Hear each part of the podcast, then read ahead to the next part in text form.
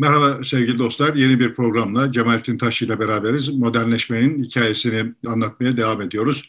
Geçen hafta e, çok da güzel bir bölümü e, ele almıştık ve tam da organizasyon, toplumun organizasyon yapısının değiştiği, nasıl değiştiğini ve her bir yönden nasıl toplumun bir değişim talebi içerisinde olduğunu, kaybedenlerin ve kazananların e, bir ele almıştık, değerlendirmiştik. Şimdi elektriğin devreye girişiyle 19. yüzyılda neler oldu, bunun modernleşmeye katkısının ne olduğuna dair bir bölüm yapalım istiyoruz. Cemalettin Taşçı ile birlikte. Evet, elektrik devreye girdiğinde ne oldu diyelim. Şimdi önce geçen yani hafta... Bu, bu elektrik işi dışından gülüyorum. Son günlerde biliyorsun elektriği olmayan bir elektrik mücadelesi sürüyor Türkiye'de. Onunla da giderek paralellik oluşuyor yani. Evet. Geçen hafta Weber'in dünyanın büyüsü bozuldu lafı ile kalmış idik. Orada hani bu büyü bozuldu derken 19. yüzyılda söylüyor bunu 18. yüzyıl için söylüyor büyük ölçüde Weber ve hani bunu bir tür katlanılması gereken bir kayıp edasıyla söylüyor. Bürokrasi içine genel olarak böyle konuşur. Yani hani çok defosu var ve fakat işte ama sonuçta onun sayesinde de birçok şey oluyor türünde. Şimdi bu büyü bozulması ile ilgili olarak hemen hemen işte aynı tarihlerde Şaddik şöyle demiş idi. Bir varmış bir yokmuş bir zamanlar orman büyülüymiş. Ağaç gövdelerinde ve ağaç köklerinin arasında ruhlar ve cinler yaşarmış. Şimdi geldiğimiz noktada artık orman orman idaresi tarafından işletilmektedir diyor. Yani bu şimdi hani bizim şimdi şikayet ediyor olduğumuz şeyler görünüyor ki 19. yüzyıla dair olmak üzere 20. yüzyılın başlarında da yani bundan 100 yıl önce de dile getirilmiş. Büyüsü bozulan şeylerin başında elektrik geliyor. Elektrik çok eskiden bilinen bir şey. Yani statik elektrik çok eskiden bilinen bir şey. Hani kehribarı saçına sürdüğün zaman, işte kağıt parçalarına tuttuğun zaman onları çekiyor. Uzaktan etki eden bir güç. Büyülü bir şey yani. Mıknatıs da hep bilinen bir şey. Yani tarih boyunca bilinen bir şey. Bunlar işte büyülü haller idi ve daha 19. yüzyıl gelmeden 18. yüzyılda bu bu büyü bozulmaya başlamıştı. Yani bunu anlamaya başlamıştı insanoğlu. Elektrik nedir, mıknatıslanma nedir vesaire gibi ve şeye geldiğimizde 1821'e geldiğimizde Faraday elektrik gücünü fiili olarak insan faydasına kullanabilecek ilk kullanabileceğimizin işareti olan ilk şeyi elektrik motoru diyebileceğimiz ilk şeyi geliştirmişti. Rivayet olur ki Faraday ya zamanın İngiltere Maliye Bakanı mı diyeceğiz artık Gladstone bu motoru gördüğü zaman e, bu ne işe yarayacak diye sormuş. hani bugünlere bağlayalım madem elektrik mevzunu dedin. O da de, demiş ki valla ben ne işe yarayacağını şu anda size söyleyemem ama eminim bir gün gelecek kraliçenin hükümeti bir yolunu bulup bunun üzerinden vergi kazanacak demiş. Sonunda evet ciddi miktarda vergi de kazanıldı, ciddi miktarda paralar da kazanıldı, kazanılıyor elektrikten. Elektriğin hikayesi birçok bakımdan bizim bugünlerde başka konulardaki akıl yürütmelerimize ışık tutabilecek bir şey. Şimdi bir yandan büyü bozuldu elektrikle ilgili büyü. Nasıl bozuldu? İşte dediğim gibi daha 18. yüzyılda başlayan bir hikaye bu. Daha 1740'larda İskoç keşiş Gordon ve işte Amerika'da da Benjamin Franklin elektrostatik cihazlarla bir takım deneyler yapmışlardı. Sonra Cavendish sonradan Kolomb kanunu olarak adlandırılacak olan, kendi ismiyle adlandırılmıyor çünkü yayınlamamış. Kolomb tarafından yayınlandığı için Kolomb kanunu olarak bilinen kanunu keşfediyor 1771'de. Sonra işte 1780 küsürde Kolomb kanunu Kolomb yayınlıyor. Arkasından işte 1799'da ilk pil, volta pili yapılıyor bir İtalyan tarafından. Bu arada 19. yüzyıla geldiğimizde artık işte Orsted elektrik akımının manyetik alana yol açıyor olduğunu keşfediyor. Yani bu elektrikle manyetizma arasında bir bağlantı olduğunu ilk defa orada ortaya çıkartıyor 1820'lerde. Amper bir takım şeyler katıyor. Faraday 1821'de dediğim gibi ilk motoru yapıyor. Maciarjetlik elektromanyetik bobin yapıyor. Şimdi bütün bu hikayede hikayeyi böyle ortaya koyduğumuz zaman birincisi şunu görüyoruz.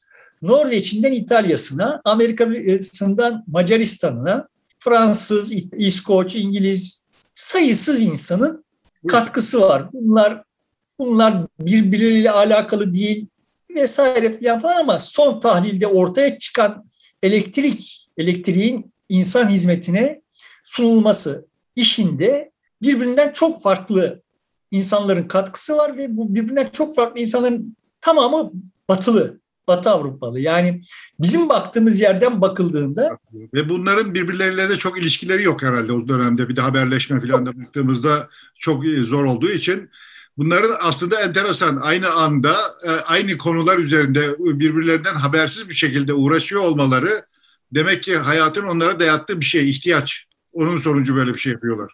Şimdi şöyle bakmayalım yani sonuçta o dönemde bu sözünü ettiğimiz bir kere çok kısa bir dönemden söz etmiyoruz. Yani 100 yıllık bir periyottan söz ediyoruz. Yani 1740'lardan 1840'lara kadar ki bir dönemden söz ediyoruz. İkincisi o dönemde sadece elektrikle ilgili değil birçok başka konuda da birçok insan çalışıyor. Yani dolayısıyla asıl burada e, ilgi çekici olan çok geniş bir coğrafyadan söz ediyoruz. Fakat hani dünya ölçeğine bakarsak çok dar bir yere sıkışmış bir dizi faaliyet bütünü var.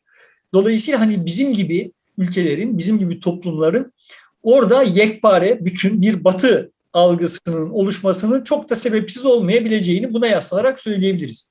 Bu işleri yapıyor olan topluluklar bütün bu tarih boyunca, bütün bu dönem boyunca birbirlerinin gırtlağını sıkıyorlar yani bir yanda.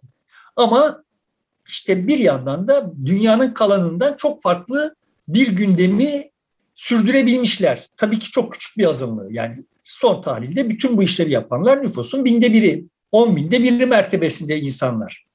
Ama işte bu muhtelif konuların arasında işte elektrik de var. Bir yandan buhar gücünü daha verimli kullanmak için çalışılıyor. Başka yerlerde işte biyoloji konusunda, tıp konusunda bir takım işler var. Ee, öte yanda işte yani akla gelebilecek e, e, yani canlıların tasnif edilmesi filan falan gibi işler. Öteki tarafta işte kimya konusunda elementlerin tasnifi filan gibi elementler tablosu vesaire gibi birçok farklı alanda ama hep aynı coğrafyada birbirinden uzak insanlar birbirleriyle haberleşme e, imkanları senin dediğin gibi oldukça sınırlı. Yine de tamamen habersiz değiller. Mesela Darwin işte ta, Avustralya'da onun işte İngiltere'de kendisinin kurduğu ilişki ağını Wallace'ın kurduğundan haberdar oluyor. Yazışıyorlar yani. İşte bir takım bilimsel dergiler daha önce konuşmuştuk. Bir yüzyıl öncesinde, bir önceki yüzyılın sonlarında bilimsel dergiler yayınlanmaya başlamış vesaire. Dolayısıyla bir biçimde bugünküyle kıyaslandığında çok yavaş bir iletişimin olduğu, çok yetersiz bir iletişimin olduğu durumda evet orada çok küçük bir azınlık çok farklı gündemlere dalmış durumda ve bunu yapmış olanlar münhasıran batılılar. Bu şimdi genel olarak işte bak işte bilim toplumları kalkındırdı. Bilim yaparsak biz de kalkınırız hikayesinin de temelini oluşturuyor. Burada atlanan şey şu yani o toplumlar zaten o tarihlerde en kalkınmış toplumlardı. En kalkınmış toplumlar oldukları için bilim yapabiliyorlardı. En zengin onlar oldukları için bilim yapabiliyorlardı. Yani bilim yaptıkları için zenginleşmediler. İnsanlık tarihi boyunca en zengin olanlar hep bu işleri yaptılar. O tarihlerde de onlar en zengindi. En zengin hale gelmişti ve artık bu işi yapmak onlara düşmüştü. Bunu bambaşka bir viteste, çok yüksek bir viteste yaptılar.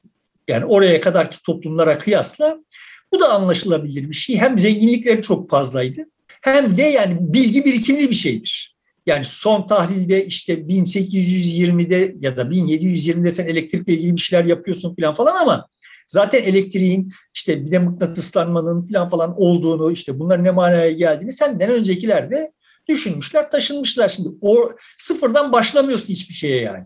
Ama bir de bunların yaptığı üretimler de var. Onlar uygulanabiliyor galiba sanayide ya da bir şekilde imalatta. E, işe yarar hale gelmesi yapılan şeylerin daha da teşvik ediyor olması gerekiyor bu tür e, araştırmaları. Oraya geleceğim. Yani sonuçta bilginin karakteri itibariyle işte e, bir, bir tasnif yapmaya çalışacağım Darwin, Maxwell ve Marx üzerinden.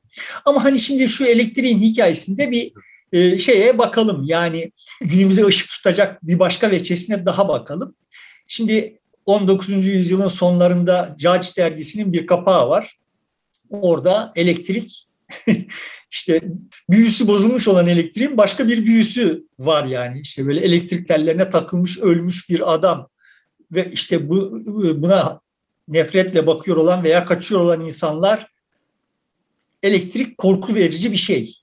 Yani bu batılılar zaten böyle yeniliklere açıktılar. Böyle işte keşfettiler, keşfettikleri şeyleri de böyle büyük bir iştiyakla kabul ettiler. İşte bizim toplumumuz bu yeniliklere kapalı olduğundan biz geri kaldık falan hikayesi de gerçekçi değil. Çok ciddi bir yani elektrikle birlikte çok ciddi bir büyüsü bozulmuş olan elektrik dünyanın büyüsünün bozulmasında kendi büyüsünü de kaybetmiş olan elektrik bir yandan da başka türlü bir büyü kazanıyor işte. Yani kendisinden korkuluyor. Ormandaki cin muamelesi görmeye başlıyor. Ve bu çok yaygın bir şey. Yani öyle hani sadece bir dergi kapağıyla sınırlı falan filan değil.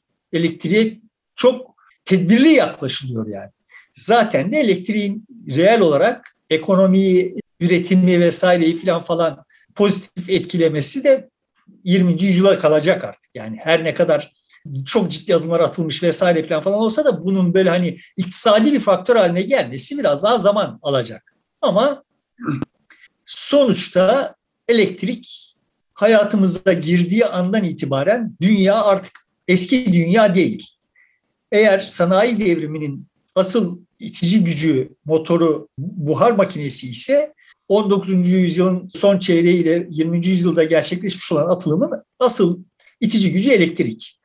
Şimdi bu senin demin işaret ettiğin husus, hususa bizi getiriyor. Sonuçta buhar kaynatılmış sıvının bir takım güçleri açığa çıkardığı, yani bir gücü olduğu zaten çok eskiden beri biliniyor gibi. Bunu kullanışlı hale getirmek yani o gücü kontrol etmek bir mühendislik işi, bilimsel bir iş değil yani. Tabii ki orada işte arka planda termodinamik diye bir bilim dalı da var sonrasında. Yani bu makineler geliştirildikten sonra gelişmiş bir bilim. Yani nasıl olur da daha verimli kılarız biz bu makineleri manasında olayın içine bakan e, bilimsel çalışmalar arkadan geliyor. Elektrikte de benzer şeyler oluyor. Yani Faraday ilk elektrik motoru diyebileceğimiz şey işte 1821'de yapıyor ama elektromanyetizmanın temel teorisini Maxwell 1861-62'de anca geliştiriyor yani 40 yıl sonra geliştiriyor. Dolayısıyla genel olarak teknoloji bilimden önce gidiyor. O tarihlerde de olay böyle oluyor yani. Önce yapıyoruz biz. Sonra bu yaptığımızın ne, ne olduğunu anlamak için çaba harcıyoruz. Neden olduğunu anlamak için çaba harcıyoruz ve buluyoruz kendimizce yani. Ama asıl işaret etmeye çalıştığım husus şu. Tabiatta böyle kontrol edilebilirse eğer fayda sağlayabilecek sayısız imkan vardı, hep vardı. Bunları biz yani mesela işte atları kontrol edebildiğimiz zaman Faydalı oldu. hayatımız değişti. Yani o bizim bizim istediğimiz işi yapmaya başladığı zaman, onu sağladığımız zaman atı evcilleştirip sırtına eğer vurup ağzına gem vurabildiğimiz zaman at bizim istediğimiz işi yapmaya başladığı zaman olay farklı. Atta o enerji hep vardı. Yani biz hala kuvveti beygir gücü hala beygir gücüyle ölçeriz. Sonuçta o güç hep vardı hatta ama onu kontrol altına alman başka bir şey yani. Buhar gücünü de böyle kontrol altına e, almış idi insanoğlu. Sonrasında da işte elektriği kontrol altına aldı. İşte elektrik bu anlamda ama sadece elektromanyetik diyelim. Sadece bir güç kaynağı olarak da bir iş görmez. Zaten güç kaynağı olarak en e, ekonomik, en kolay taşınabilir, en iyi kontrol edilebilir, en, yani yüksek hassasiyetle kontrol edilebilir, en az kayıpla kontrol edilebilir bir şey güç kaynakları içinde. O tarihe kadar bilinenler içinde ama ilaveten şunlar da var yani o elektromanyetizma ile beraber biz mesela şunu fark ettik ki işte radyo dalgaları diye bir şey var. Yani radyo dalgası dediğimiz şey aslında o elektromanyetik spektrumun belli aralığına diyoruz ve işte o radyo dalgaları üzerinden bir başka büyü icat ettik. Yani demeye çalıştığım şey şu böyle baktığın zaman geçmişe senin çocukluğunda böyle sana büyülü gibi büyülüydü gibi görünüyordu olan birçok şey evet sonrasında esrarı çözülüyor, büyüsünü kaybediyor. Ama durmadan yeni büyüler ortaya çıkıyor. Şimdi yani annem filan evlerine ilk radyo girdiği zaman işte kendi babaannesinin ona gösterdiği reaksiyonu vesaire falan anlatırken görüyorsun ki yani kadının hayatına ta- tahayyül edemeyeceği bir büyü girmiş yani. Orada büyülü bir şey var. Ve evet yani radyo bir bakım bir açıdan öyle büyülü bir şey yani uzaktan kablosuz iletişim, haberleşmeyi sağlayan bir şey. Büyü açısından yepyeni ve bambaşka bir şey ve birçok nesli büyülemiş. Sadece büyülemekle kalmamış. Her şeyi alt üst etmiş. Yani 19. yüzyılın hikayesi ama aslında 20. yüzyılda yaygın olarak kullanılmaya başlıyor ve 20. yüzyılda her şeyi alt üst ediyor. Yani 20. yüzyılın ilk yarısında yaşamış olan insanların neredeyse tamamının radyo ile ilgili çok derin hatıraları var. Şimdi bugün mesela biz o insanlarla konuşsak, radyonun ortada konuşsak değil ya ben birçoğuna şahit oldum.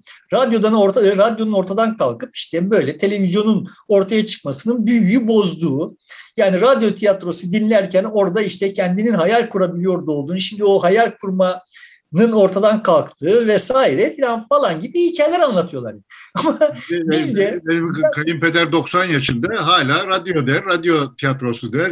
E, radyodan vazgeçmez. Hala da dinler televizyon olmasına hatta internetten film filan izlemesine rağmen radyodan vazgeçmiş değildir.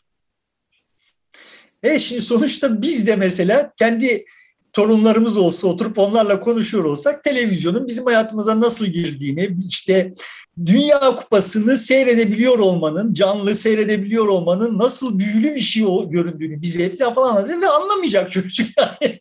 Sonuçta bu büyü dediğin şey, onunla başladık onunla devam edeyim. Yani büyü dediğin şey durmadan yeniden üretilebilir bir şey ve o aslında şeyin kendisinde var olan bir olay değil. Senin ona yakıştırdığın bir şey.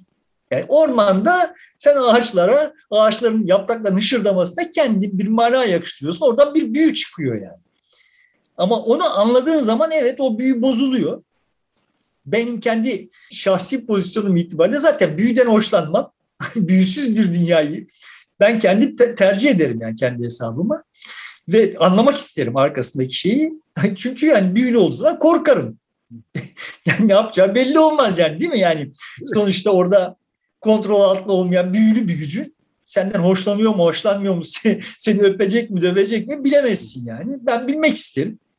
Ama yani başkalarının böyle bir takım büyüler aramasına falan falan da bir e, itirazım yok. Olabiliyor yani. insanlar mesela sinema konusunda da benzer bir anlaşmazlığa düşmüşken ben sinemada böyle gerçek insanların, sıradan insanların hikayelerini izlemeyi severim. Birisi demişti ki ya ne diyorsun kardeşim ben sokağa çıktığım zaman çıktığım zaman o gerçek insanları görüyorum. Bana fantastik şeyler anlatması gerekir sinemanın demişti. Yani e yani haklı. Onun için sinema öyle bir şey. Ama benim için de böyle bir şey yani.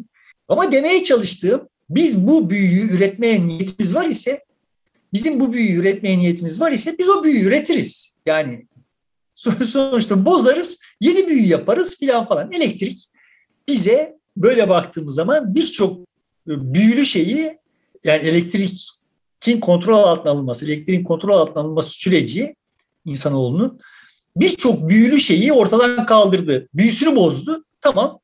Yepyeni büyüler ortaya çıkarttı.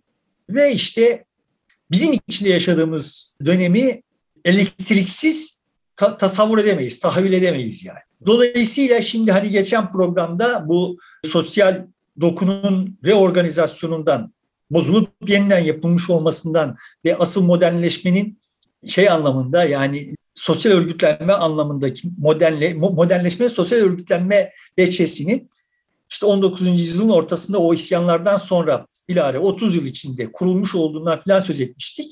Modernleşmenin imalat ve maddi tüketim boyutu da doğrudan doğru elektriğin ürünüdür. Yani evet başlangıçta buhar gücüydü ama buhar gücü hem çok daha sınırlı imkanları itibariyle hem çok daha yüksek maliyetliydi. Elektrik bu anlamda gerçekten insanın insanoğlunun kaderini çok köklü bir biçimde değiştirdi yani. Geri dönüş dönülmez bir biçimde değiş, değiştirdi. Dolayısıyla hani elektrik faturalarını ödeyemez olmak sahiden de birkaç çağ geriye düşmüş düşmek manasına geliyor yani. Dolayısıyla yani elektrik faturaları konusunda bütün iktidarların hassas olmasına fayda olduğunu fakat söyleyebiliriz. Faraday'ın ilk bulduğunda e, vergi alırsınız bundan kraliçe demiş ya. Şimdi de mesela Kılıçdaroğlu vergiyi kaldıralım buradan diyor KDV'yi. İş o noktaya geldi ya. Tabii ama sonuçta hani Faraday'ın söylediği başka biçimde gerçekleşiyor. Vergiyi almıyorsun da elektrikten ama almay almayabilirsin ama sonuçta oradan bir yere ekonomi dönüyor yani. Evet, doğru. Ekonominin neredeyse tamamı oradan dönüyor. Elektrikten almadığın vergi elektrik üretilmiş olan her şeyden alıyorsun yani. Elektrik olmasa cep telefonu olmayacaktı. cep telefonundan alıyorsun verginin bilmem kaç türünü gibi.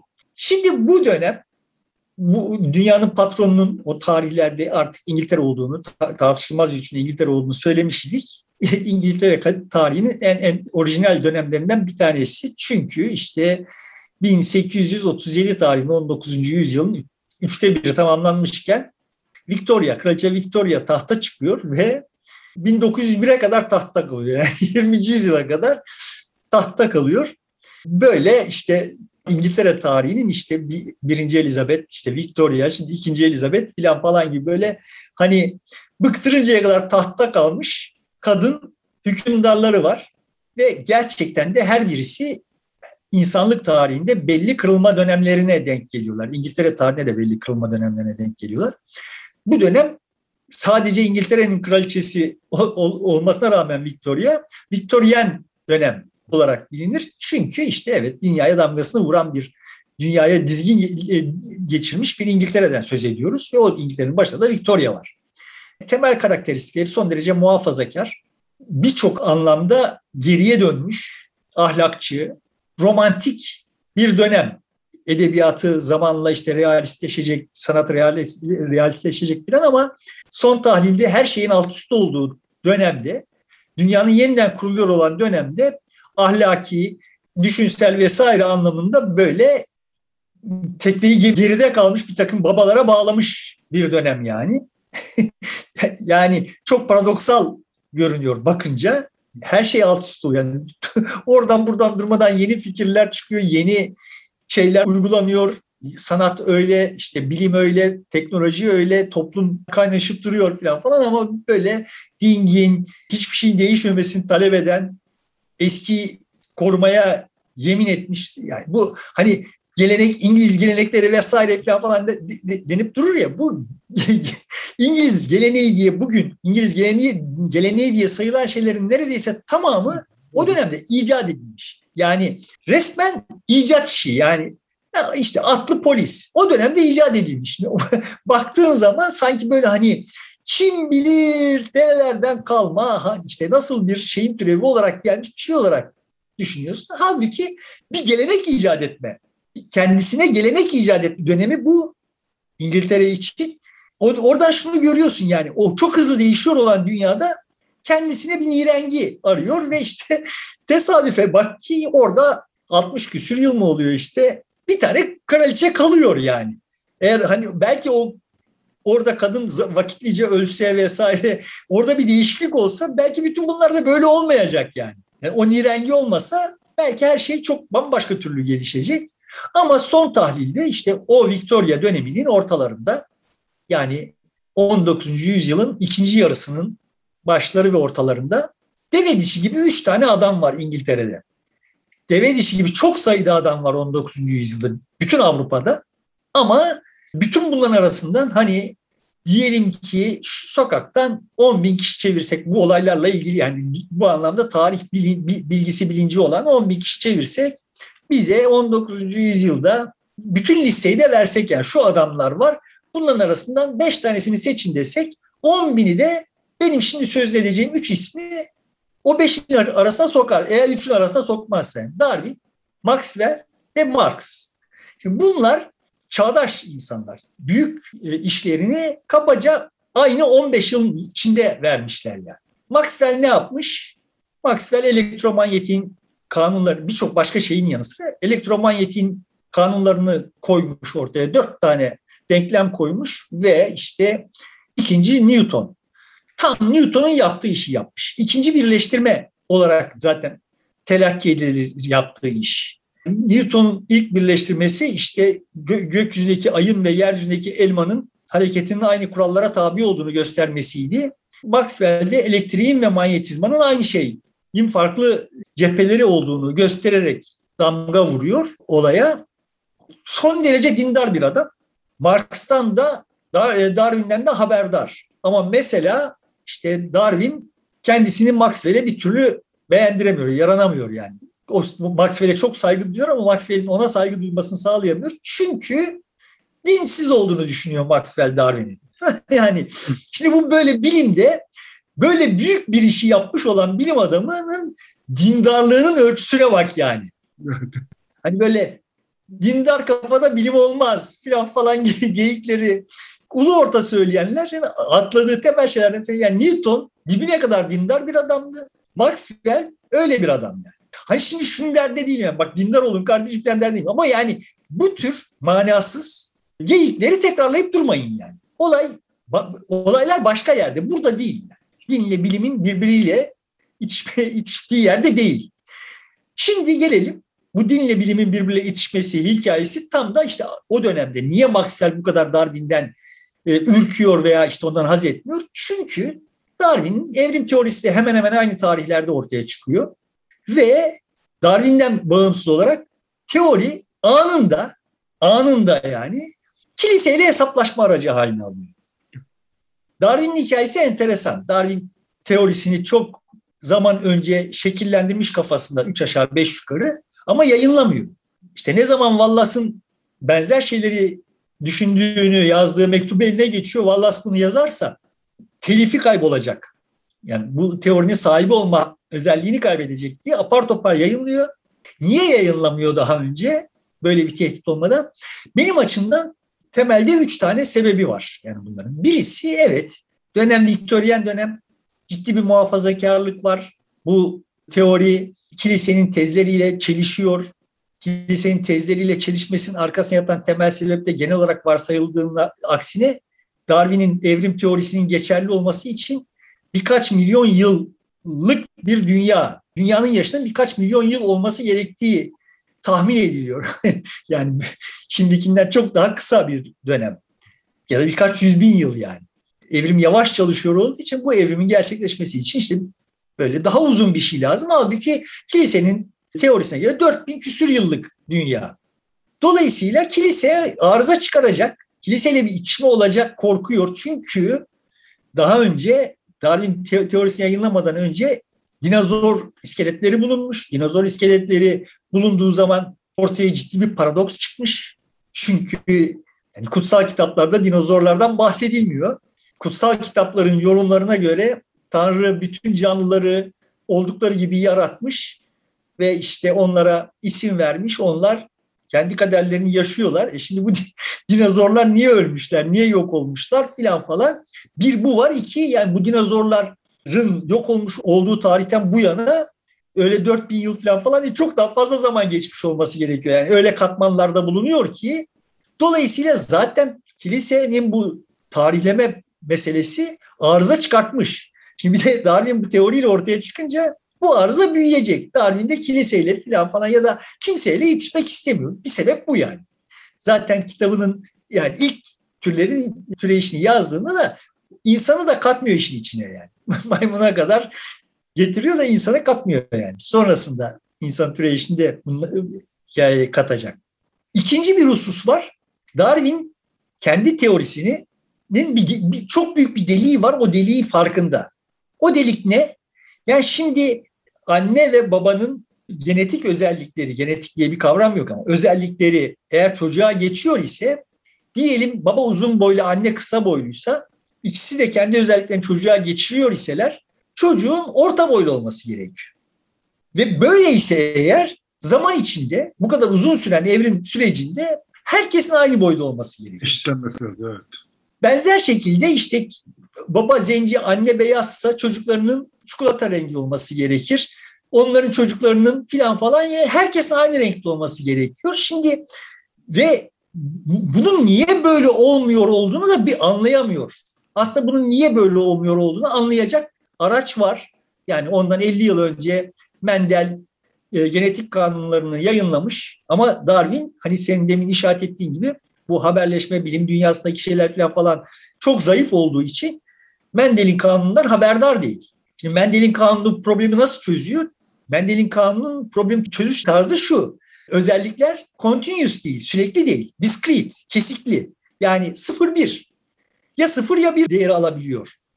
Dolayısıyla 0 ve 1 bir araya geldiğinde yarım olacak diye bir şey şart değil. Genetik kodun diskret karakteri sayesinde yüzünden olanlar oluyor. Şimdi bilse Darwin, o Mendel kanunlarını bilse bu paradoksu çözecek. Üçüncü sebebi de şu. Şimdi orada Newton böyle üç tane denklem çıkartmış ve bütün bilim insanlarına bir model olmuş. Maxwell Newton'un izinden gitmiş ve ikinci Newton olmuş. Eksiksiz gediksiz yani hiç presiz. Böyle tartışmaya yol açmayacak kadar Newton'un yaptığını başka bir alanda tekrarlamış.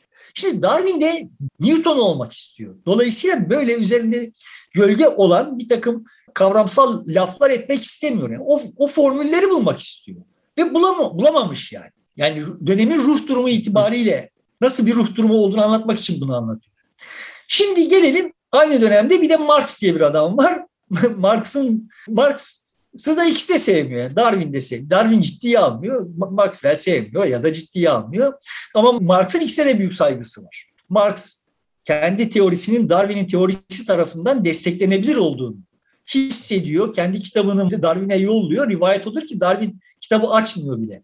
Yani hatırlarsın bizim gençliğimizde kitaplar böyle katlanmış gelirlerdi ve sayfaları açmamız gerekirdi. O evet. kitabı açmıyor bile şey yani. Dolayısıyla okumamış bile Darwin. Şimdi bu üç bilim insanının yaptıklarının Tabii o dönemde mesela o öyle bir gelen kitabı okumaması da ilginç bir tutum. Yani zaten kitap sayısı çok fazla. Bir de iddia sahibi olan kitap sayısı çok azdır. Normalde insan merak eder bir bakar. Ama belli ki kendisine olan güveni çok yüksek bakmıyor. Yani şöyle sonuçta standartları Newton. Evet. Marx'ın yaptığını standardı bu anlamda bakacak olursa son derece düşük.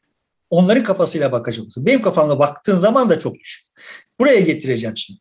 Şimdi aslında üç farklı bilgi türü var gördüğümüz. Yani birisi Maxwell'inki, birisi Darwin'inki, birisi Marx'ınki.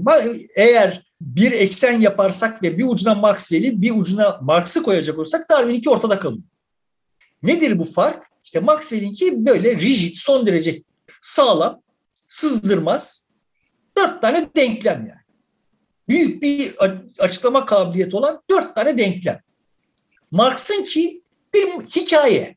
Yani şimdi Marx kendi teorisine bilimsel materyalizm falan falan adını verip işte böyle bilimin büyüsünden yararlanmaya çalışıyor ama ya sonuçta o dönem e, o dönem ve bu dönemin itibariyle bilim dediğimiz şeyin standartlarına bugün hala ulaşabilmiş bir şey değil. Ama bunu böyle söylediğin zaman Marksistlerin reaksiyonunu çekiyorsun yani e, e, şimşeklerin üstüne çekiyorsun.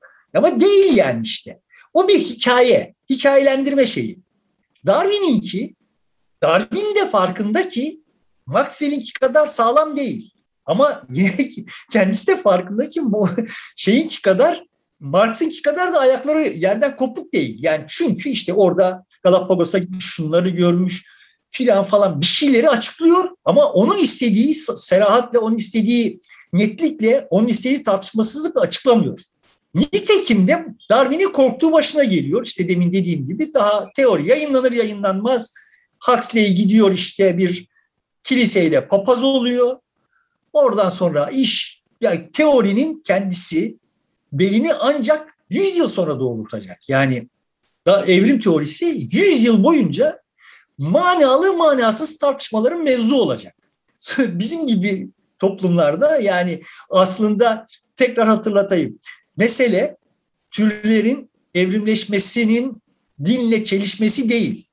Yani kilise o tarihe kadar da sayısız kendi yani Galilei ile vesaireyle Kopernik'le falan, falan da helalleşmiş yani. Yani oradan biraz almış, buradan biraz vermiş, bir geri adım atmış. Tamam yani şimdi çıkıp diyebilirdi ki ya kardeşim tamam? Evet yani bizim bildiğimiz dünya işte ya insanın dünyaya gelişi 4000 yıl öncedir diyebilirdi. Filan bir, bir açıklama getirir ve buradan kendisini kurtarabilirdi. Ama Darwin'i kılıç gibi kullananların tek derdi, bugün Dawkins'in derdi gibi yani, tek derdi kiliseyi geriletmek. Haklı bir dert midir onu bilemem. Yani muhtemelen haklı bir dert. Yani çünkü kilisenin de sahiden olur olmaz alanlara ciddi tahakkümü var. Dolayısıyla bir takım insanların birinci gündem maddesinin kiliseyi geriletmek olması anlaşılabilirmiş. Ve onlar Darwin teorisini bulunca ya bu işte türlerin şeyini açıklıyor falan o orası ilgilendirmiyor. Aha biz bununla kiliseyi döveriz. Tamam ve, ve oradan itibaren teorinin uzun dönem boyunca temel şeyi bu oluyor. İkinci büyük falsosu da şu oluyor. Yani bu teoriye yaslanarak öjenik geliştiriliyor. Öjenik kavramı geliştiriliyor. Yani öjenik de kavram olarak da antik Yunanlardan falan falan geliyor da hani nasıl Darwin'in kendisinin de örnek olarak kullandığı işte hani şu güvercinle bu güvercini çiftleştirip işte güvercin neslini ıslah ediyorsan ya da tavuk neslini ıslah ediyorsan yani çok yumurta veren tavukları seçerek tavuk neslini zamanla ıslah ediyorsan falan falan. Şimdi benzer bir anlayışla insan neslinde ıslah edilebilir fikri çok eski bir fikir yani. Tarım yapıyor olmasa olduğundan itibaren muhtemelen insanlarda var olan bir fikir yani. insan neslinde şöyle seçsek ve ıslah etsek.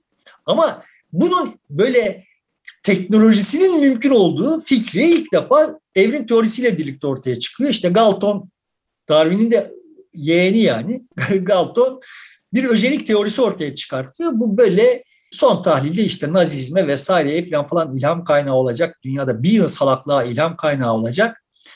Yani 20. yüzyılda Müller mesela genel olarak hani Sovyet rejiminden batıya kaçış hikayeleriyle büyüdük biz. Ama böyle batıdan, Amerika'dan Sovyetlere kaçan biri var yani. O da Müller. Ve koltuğun altındaki şey proje. Yani bunu batılı bu pespaye medeniyet gerçekleştiremez. O cesur yeni dünyada bu gerçekleşebilir yani. Nedir proje? İşte Stalin'i e, razı edecek ki cinsel olarak özgürleştirilmiş, öjenik olarak mükemmelleştirilmiş bir yeni insan üretecekler Sovyetler Birliği'nde filan. Bu bilim dünyasına çok sayısız çok zarar olmuş Lysenko'nun tek belki de bu pozitif şeyi ya boş ver bu burjuva bilimi deyip Stalin'i e, evrim teorisinden Müllerlerden falan falan uzaklaştırmış olması oluyor. Yoksa hani hakikaten de Stalin kafasıyla bu işlere kalkışılabilir ve daha büyük rezilliklerle karşılaşabilirdik yani biz. Hani Stalin'le zaten yeterince rezillik yaşadık, daha büyüklerini de yaşayabilirdik.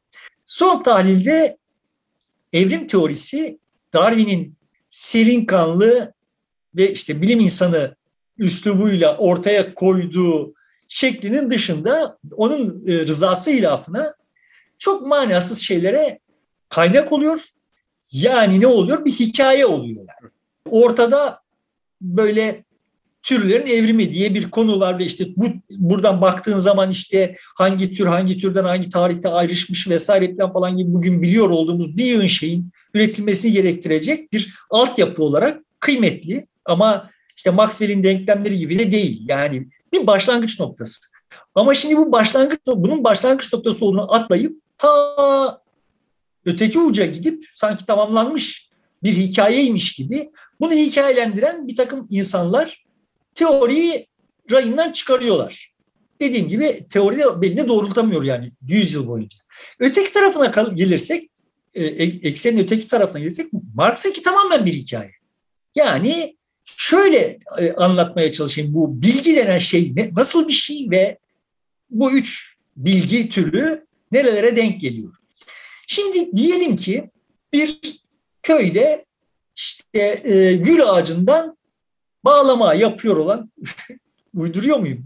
bağlama gül ağacından yapılır mı bilmiyorum. Gül ağacından yapılmaz evet. Her hangi ağaçtansa hangisi uygunsa o ağaçtan bağlama yapan birisi hangi ağaçtan yapılması gerektiğini onun, onun nasıl işlenmesi gerektiğini, o ağaca nasıl davranılması gerektiğini, nasıl kesilip bitileceğini, nasıl birbirine yapıştırılacağını filan falan biliyor. Ona e, telleri nasıl monte edecek, hangi telleri monte edecek, hangi teli nereye monte edecek, perdeleri nereye koyacak falan bunları biliyor. Burada bir bilgi var yani. O, o teller niye ses veriyor? İşte o titreşimden ses veriyor. Titreşim niye ses Bunun fiziği var. Adam o fiziği bilmiyor. O bağlama ustası arkadaki o fiziği bilmiyor işte. Fizik, fizik yani o tellerin titreşimi o ağaçla o niye şu ağaç daha uygun filan falan araştırırsan onun da fiziği var.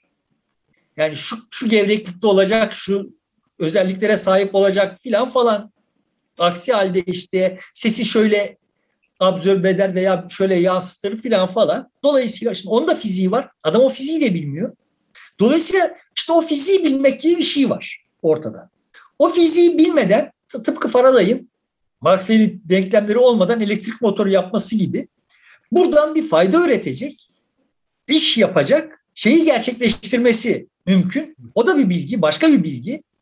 O sazı alıp çalacak olan adam muhtemelen sazın nasıl yapılacağını bilmiyor.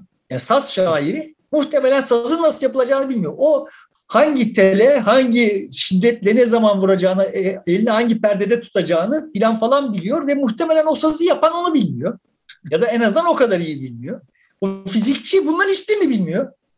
Yani bütün bunların fiziğini bilen adam versene eline bir malzemeyi hadi buradan madem bütün bu hikayeyi biliyorsun bize bir saz yap desen yapamaz. Yapıp versen çalamaz. Bütün bu hikayenin sonrasında şimdi saz şairi kendince bir türkü üretmeyi biliyor ama bu türkü tutacak mı tutmayacak mı insanlar bunu dinleyecek mi dinlemeyecek mi bunu bilmiyor. Deniyor ve o tutarsa tutuyor tutmazsa tutmuyor yani. Çünkü orada bir sosyoloji var o sosyoloji hakkında yeterince bilgi sahibi değil. Böyle çok farklı düzlemlerde çok farklı bilgiler var. Sıkıntımız şu bizim. Aydınlanma aklıyla birlikte bir şey zuhur etti. Vardı da bu çok kalabalıklaştı. İşte Descartes'la başlayıp Hegel, Kant falan falan diye böyle develiş gibi isimleri sayabiliriz. Bu çok hızlı yayıldı. Yani bilim insanları da çok hızlı yayıldı. Tek, yani teknokratlar da işte Maxwell'ler vesaire amperler de çok hızlı yayıldı. Çok kalabalıklaştı. Ama bir de böyle masal anlatıcılar da çok kalabalıklaştı. Sorun bunları birbirinden ayırt eden şey ne? Şu. Faraday orada gerçek laboratuvarda gerçek malzeme üzerinde yani şey gibi saz yapan usta, usta gibi gerçek malzemeyle bu işi yapıyor. Saz ustası sazı beğeniyor veya beğenmiyor. Demek ki bir şey yanlış yaptım deme durumunda bir sonrakinde başka bir şey denemek zorunda vesaire falan optimum sazı yapana kadar. O Maxwell türü adamların zaten bu tür şeyleri yok. Yani onlar matematik aleminde kendilerini tatmin etmekle uğraşıyorlar ve uygun matematiği, doğru matematiği denk getirdikleri zaman bunun tartışma götürür tarafı yok artık. O birileri ondan işe yarar bir şeyler çıkarabilir ileride, çıkaramayabilir. Birileri daha önce çıkmış olan bir şeyleri bunu anlayabilir falan falan. Ama o yapılmışsa bitmiş bir şey yani. Anlaştık. Evet. Şimdi ötekisi, ötekisi şöyle bir şey. Ötekisinin malzemesi önceki. Yani Kant'ın malzemesi Hegel. Hegel'in malzemesi Descartes. Kant e, Marx'ın malzemesi. O Marx bilmem kimin malzemesi. Yani gerçeklikte başlangıçta bir gerçeklikle bir ilgisi var idiyse eğer o ilgi suyunun suyunun suyunun suyu olduğu zaman artık tamamen gerçek dışı böyle kendi kendisini üreten, durmadan doğuran, dikkat et yani bizim okuduğumuz işte sen Marksistin ben de Marksist olacağım deyip böyle harıl okuduğumuz dönemde bize gerçeklikle ilgili hiçbir şey söyleyen bir kitap yoktu. Şu şöyle demiş, bu böyle demiş, Fransa'da filanca şu katkıyı yapmış. Ama neye yapmış? Marx'ın dediğine yapmış. Ya da işte illa Engels'ten de söz etti. Engels'in dediğine yapmış filan yani son tahlilde lafın üstüne laf, lafın üstüne laf, lafın üstüne laf inşa edilen bir sektör doğdu yani. Bunların üçünün arasındaki temel fark işte Darwin burada ortaya düşüyor. Neden? Çünkü o keskinlikte bir şey değil. Kendisinden laf üretilebilir bir şey. Üretilmiş ve başı derde girmiş. Ama aynı zamanda kendisinden gerçeklikle test edilebilecek bir şeyler de çıkmış. Bir şeyler de var. Onları gerçekten test edebilmemiz yani evet en baştan itibaren onları e, test etmeye çalışanlar oldu. Gölgede kaldılar. Ama onların gerçekten test edilmesi çok sonraya kaldı yani. Ve 1950 1850'lerde ortaya çıkmış olan teori 1950'lerden itibaren inanılmaz bir e, ivmeyle yani işte neodarwinizm denen şey akımla birlikte inanılmaz bir ivmeyle çok şey açıklamaya başladı. Bize sonuçta bir açıklama getiriyor. Ama ancak çok üzerine çok şey konduktan sonra mümkün oldu yani. Burada bir fark daha var. Yani Maxwell kendi denklemlerini koyduğu zaman ortaya sana bu denklemlerle şunları yapabilirsin, şunları yapamazsın, şöyle yap falan bir politika vaaz etmiyor yani. Sen oradan bir politika çıkarabilirsin ya da çıkaramayabilirsin. Darwin de buradan bir politika çıkmaması için çok tırmalamış ama politikanın Allah'a çıktı. Fakat Marx'ın ki doğrudan politika çıkartmaya yönelik. Yani Marx'ın kastı bu zaten. Yani filozoflar bugüne kadar dünyayı anlamaya çalıştılar. Halbuki onu, esas olan onu değiştirmektir deyip de bir şeyler yazmaya başlarsa bu bilim değil artık.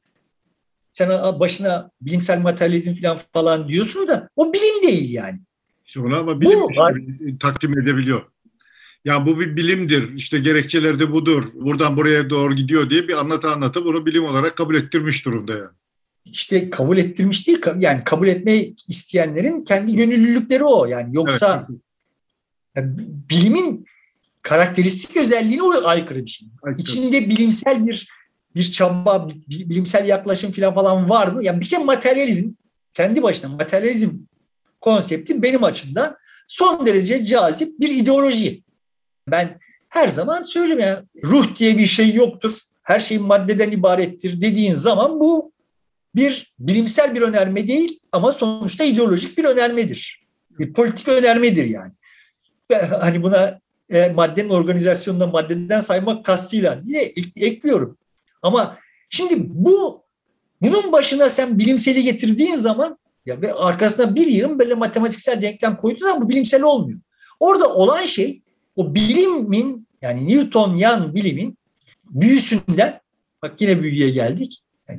Sonuçta bir şeylerin büyüsünü bozuyoruz ama başka bir büyü yaratıyoruz. Evet böyle Newtonian şey görünüyor ki o çağda yaşayan herkes için büyülü bir şey yani. Ve o büyüden faydalanmak istiyor. Kendisi büyülenmiş zaten. Yani o orada bir hile yapıyor falan falan kasta değil yani. Kendisi büyülenmiş. O dört denkleme ulaşmak için o da çabalıyor yani.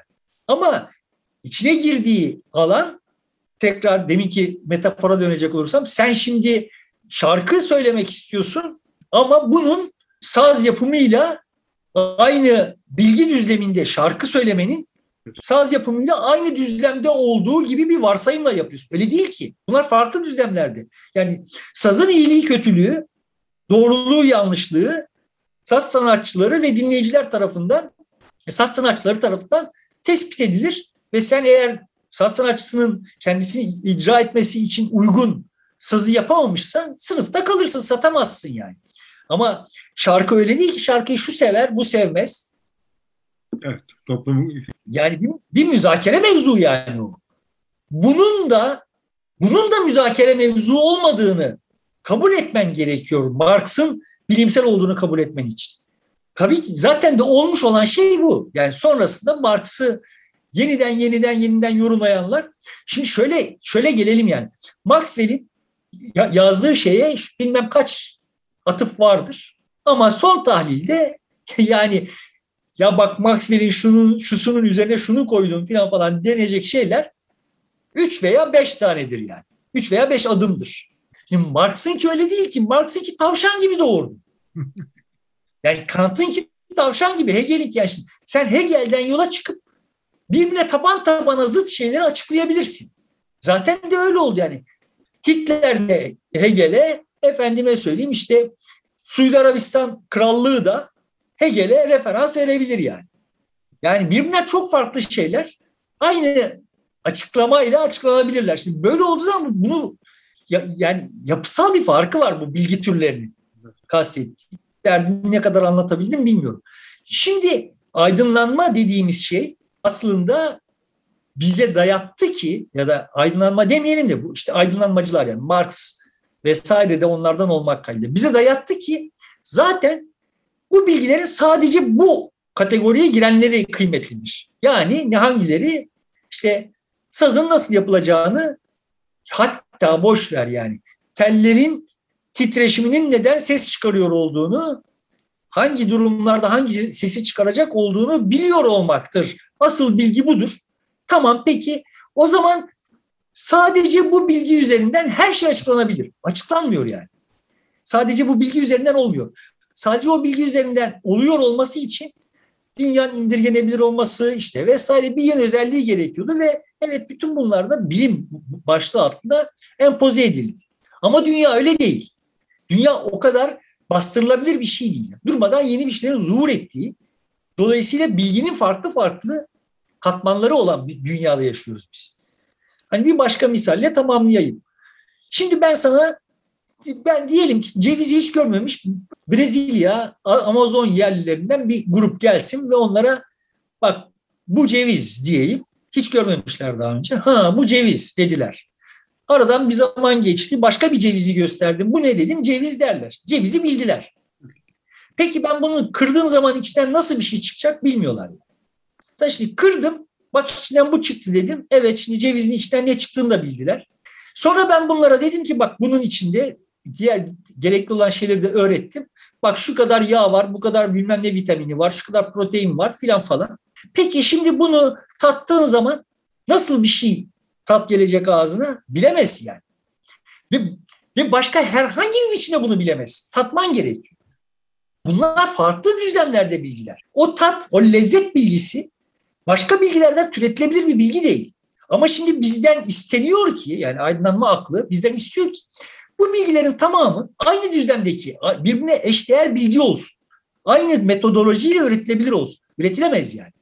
Şimdi diyelim ki adama verdik cevizi tattı. Cevizin tadının nasıl bir şey olduğunu biliyor.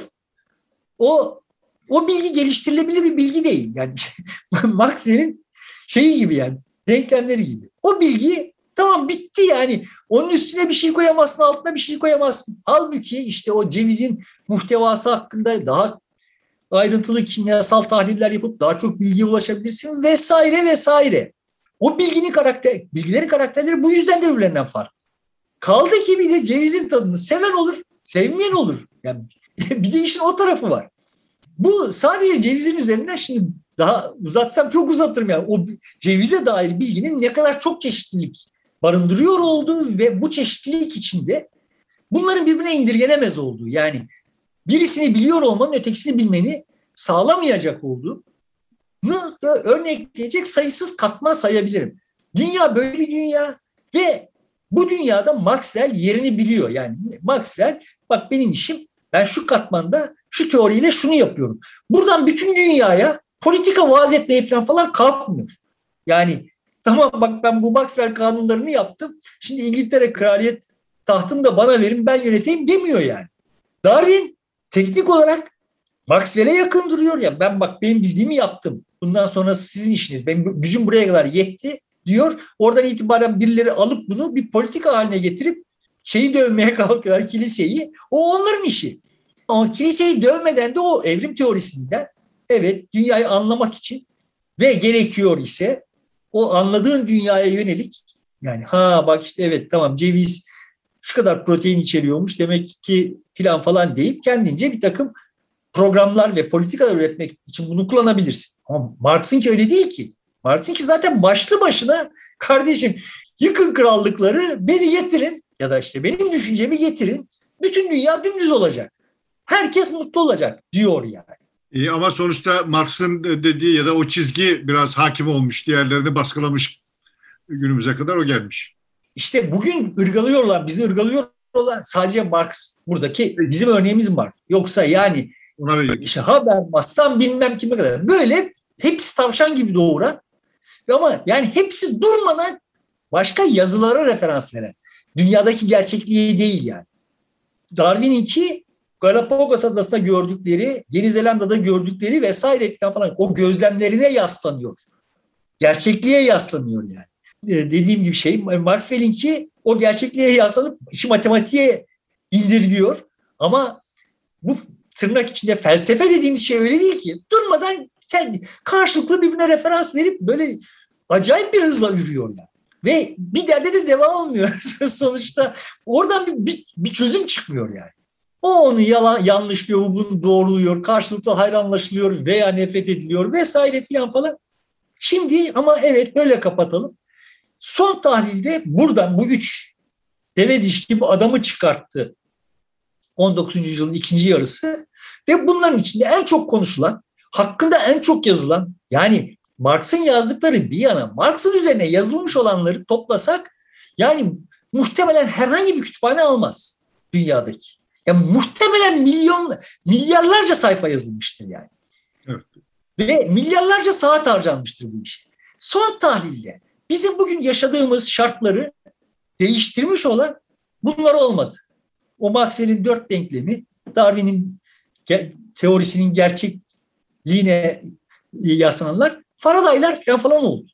Tamam Şimdi ama biz hala Marx veya onun gibilerin yazıp çizdiklerinden dünyayı, önümüzdeki dünyayı inşa etmeye çalışıyoruz. Ben de diyorum ki bak böyle olmayacak.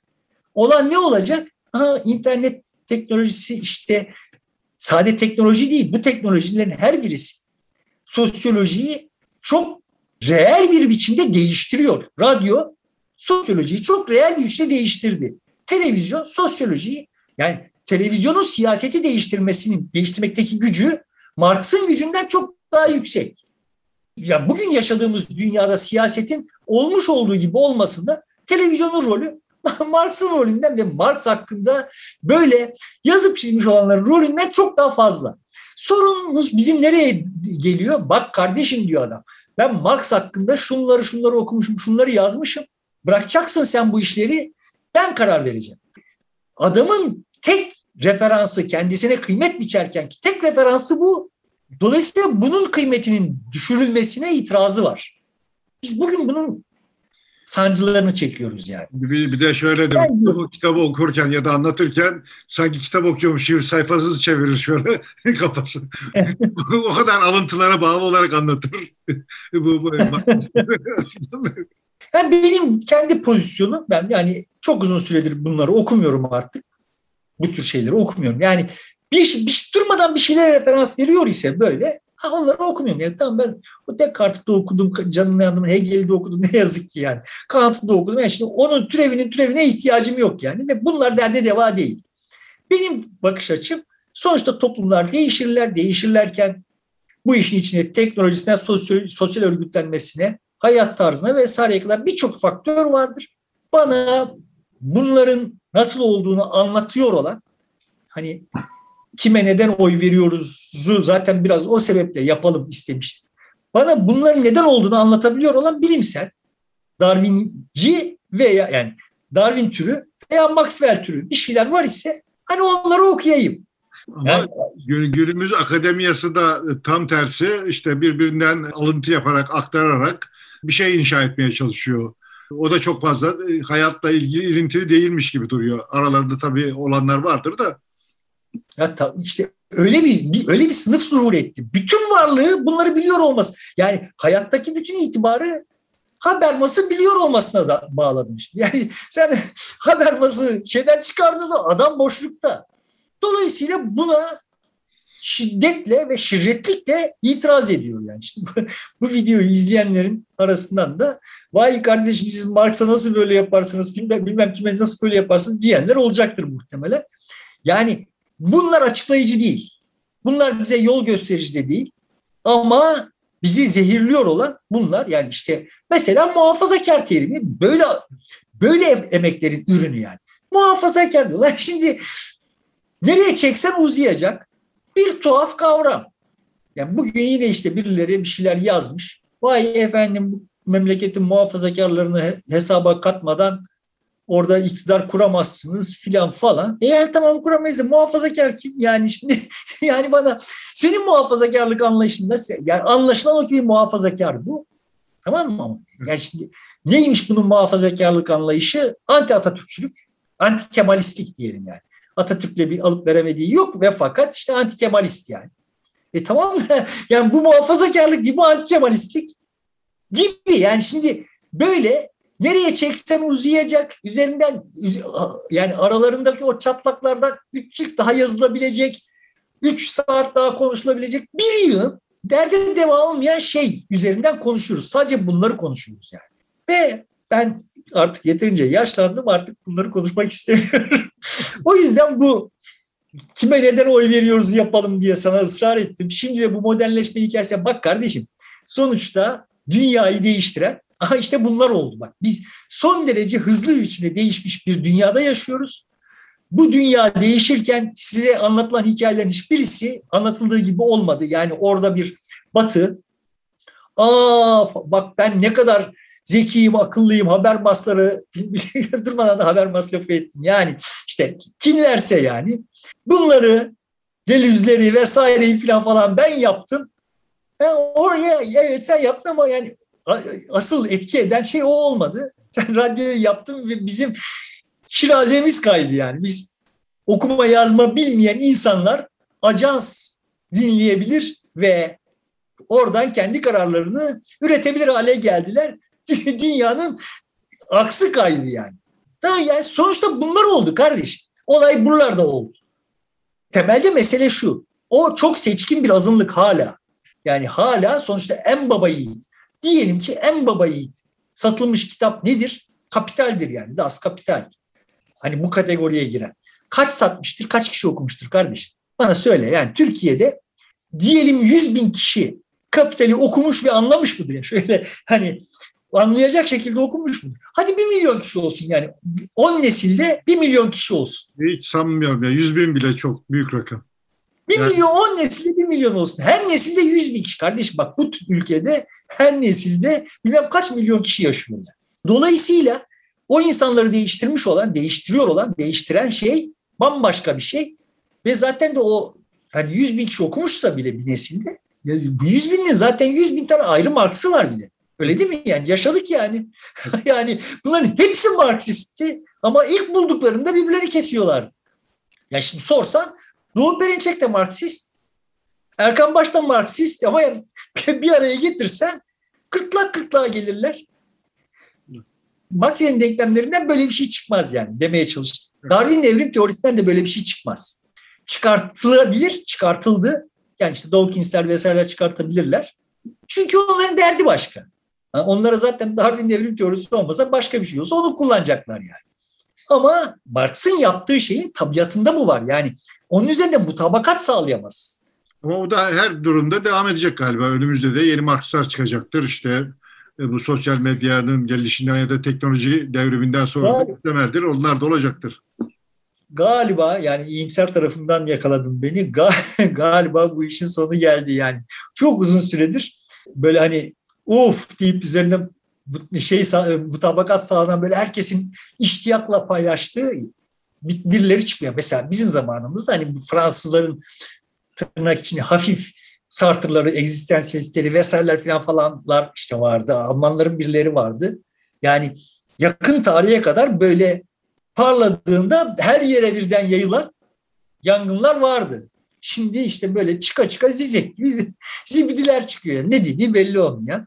ya da işte Baudrillard gibi adamlar çıkıyor filan falan yani böyle absürt absürt ve işte kendi yakma çevreleri çok dar.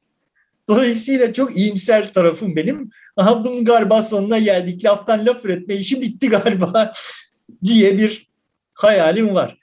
Laftan laf üret, üretilmesinden itibar üretme işi de biterse dünya zaten şeye oturacak yani. E, Yeni bir fazla oturacak. Evet, o, seni de iyimser bulmuşken programı burada bitirelim bari. iyimser herkes bulur. Evet. evet, bunu da kaydet böyle.